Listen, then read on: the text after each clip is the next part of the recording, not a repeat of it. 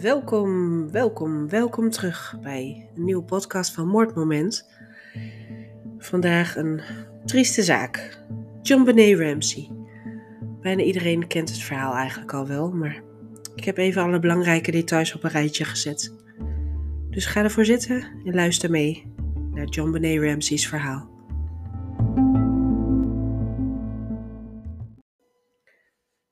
John Patricia Ramsey werd op 6 augustus 1990 geboren in een ziekenhuis in Atlanta, Georgia. Haar naam is een combinatie van de namen van haar ouders, John Benet en Patsy Ramsey. Een jaar na de geboorte van John Benet verhuisde het gezin naar een grote villa in Boulder, Colorado. Moeder Patsy werd in 1977 op 20-jarige leeftijd gekroond tot Miss West Virginia in een schoonheidswedstrijd. En ook de zus van Patsy, Pamela Ellen Paul, volgde drie jaar later met de titel van Miss South Charleston. John Benet werd daarom al op zeer jonge leeftijd ingeschreven voor diverse misverkiezingen. En ze won er ook vele. Vader John was een rijke zakenman en directeur van een Amerikaans computerbedrijf. De losgeldbrief telde twee pagina's en bleek te zijn geschreven op een schrijfblok van de familie Ramsey met een Sharpie pen. Deze pen werd later teruggevonden in de prullenbak in de keuken van de villa. Volgens de FBI werd er ook een kladversie van de losgeldbrief op het schrijfblok gevonden. Helaas bevat het papier geen vingerafdrukken. Het handschrift van de brief werd vergeleken met de diverse mogelijke verdachten, maar de analisten pleiten iedereen vrij, behalve Patsy. Haar handschrift leek enkele gelijkenis te vertonen. De eis van 118.000 dollar was ook nogal opvallend. John Ramsey had zojuist een bonus van 118.117,50 dollar ontvangen. Vergeleken met het totale inkomen van John was deze eis opvallend laag.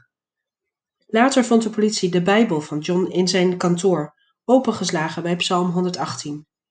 Een psalm over overwinning, gejuich, bejubelen. Aangetroffen bewijs. Ondanks dat er met een scheef oog naar de betrokkenheid van de ouders werd gekeken, vond de politie ook wel degelijk aanwijzingen van indringen. Zo vonden ze twee ongelijke voetafdrukken, die met geen enkele in huis aanwezige schoen overheen kwam, en aan de buitenkant van het raam van de wijnkelder vonden ze een derde schoenafdruk, ook van een onbekend persoon. Onder het raam was een koffer geplaatst. Op deze koffer zat mogelijk een schoenafdruk. Op het bed in de logeerkamer werd een onbekend touw gevonden. De logeerkamer lag naast de kamer van John Benet. Op het lichaam van John Benet werden sporen gevonden van een verdovingspistool, DNA van een onbekend persoon onder haar nagels en een bloedspoor van een onbekend persoon in haar onderbroekje. Autopsie John Benet bleek overleden te zijn aan verwurging en een schedelbasisfractuur. Bij haar lichaam werd een garrot gevonden, gemaakt van nylondraad en een handvat van een verfkwast. Naderhand werd de andere helft van de verfkwast gevonden in een doos met kunstgerei van Patsy. De schedel van het meisje vertoonde sporen van ernstig letsel en ze was mogelijk seksueel misbruikt. In haar maag werden half verteerde stukjes ananas gevonden. Moeder Patsy gaf aan niet te weten dat John Benet dat gegeten had. Volgens experts had de maker van de karot een goede tot zeer goede kennis van knopen leggen. Media. Omdat er in eerste instantie geen mogelijke gedachte werd gevonden, trok de zaak een enorme internationale media-aandacht. In vele boeken, artikelen en documentaires werden de gruwelijke details van de zaak keer op keer besproken en uitgelicht. In al die jaren werden alle mogelijke verdachten één voor één onderzocht, maar ook weer vrijgelaten. Wellicht had broertje Burke uit jaloezie zijn kleine zusje op het hoofd geslagen. Hij was bekend dat er niet erg blij mee was steeds in haar schaduw te moeten staan.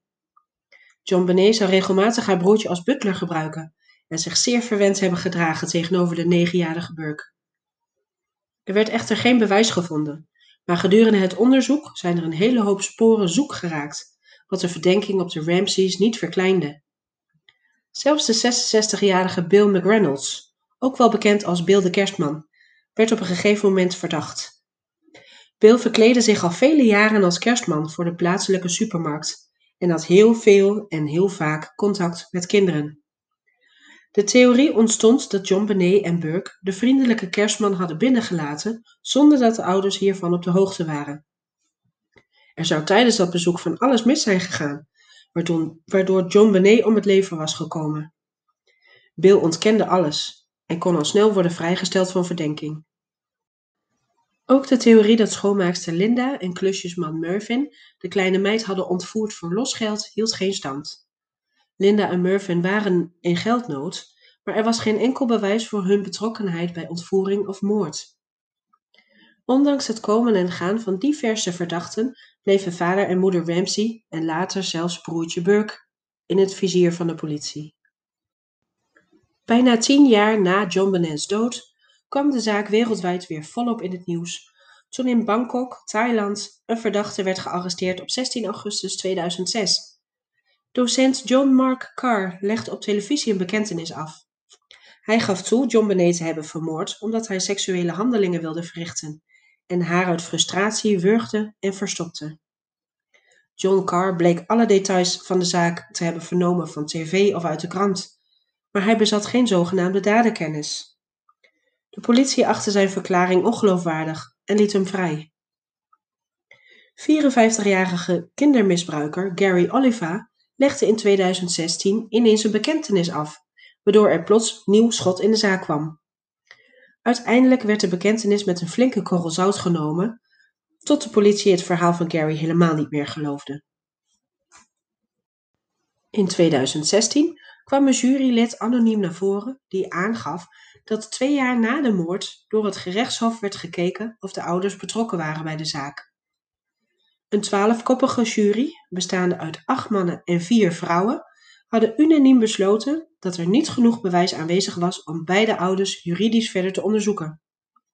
De aanklager was het daar niet mee eens en legde het advies van de jury vrijwel direct naast zich neer.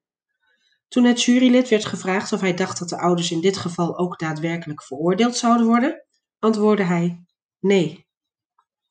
Een nieuwe arrestatie volgde in 2019 toen de 66-jarige Randall DeWitt Simons in het bezit bleek van kinderporno. Simons was al jarenlang de persoonlijke fotograaf van John Benet. Hij ontkende echter de moord en bewijzen ontbraken. Omgeven door familie. John Benet ligt begraven op een kerkhofje in Georgia, naast haar moeder, die in juni 2006 overleed aan eierstokkanker. Ze werd 49 jaar oud. Ook Elizabeth Ramsey, een dochter van John Ramsey uit een eerder huwelijk, ligt samen met Betsy en John Benet begraven. Elizabeth was in 1992 om het leven gekomen bij een verkeersongeluk, waarbij ze inreed op een naderende vrachtwagen.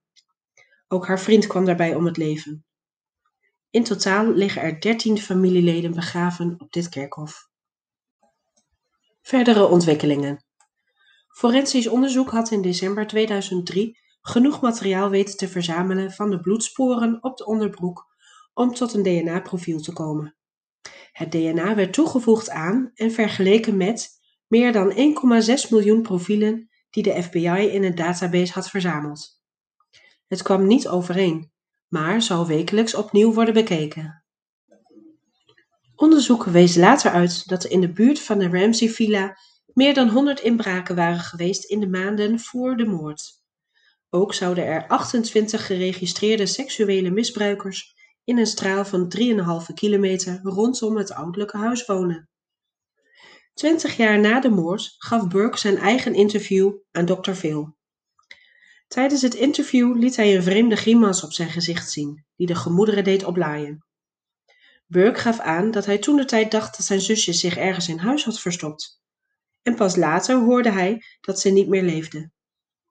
Hij kon zich de begrafenis nog goed herinneren en had een trauma achtergelaten, mede door het aanzicht van het jonge meisje in de open kist.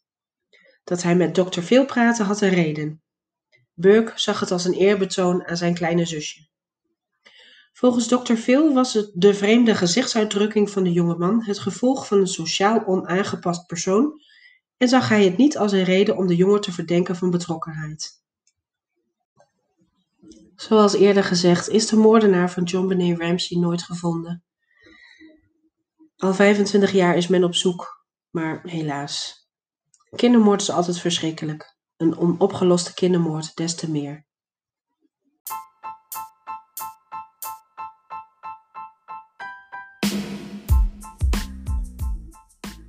Mocht je nou zelf een moordzaak of mysterie uh, weten en wil je graag dat ik die behandel, uh, laat het me weten. Uh, ik ben zowel op Facebook als op Instagram onder Moordmoment te vinden. Of stuur me anders een mailtje op moordmoment.gmail.com.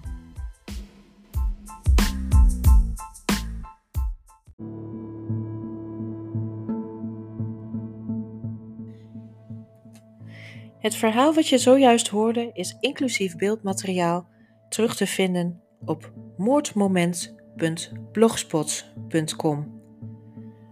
Bedankt voor het luisteren naar Moordmoment. Tot de volgende keer.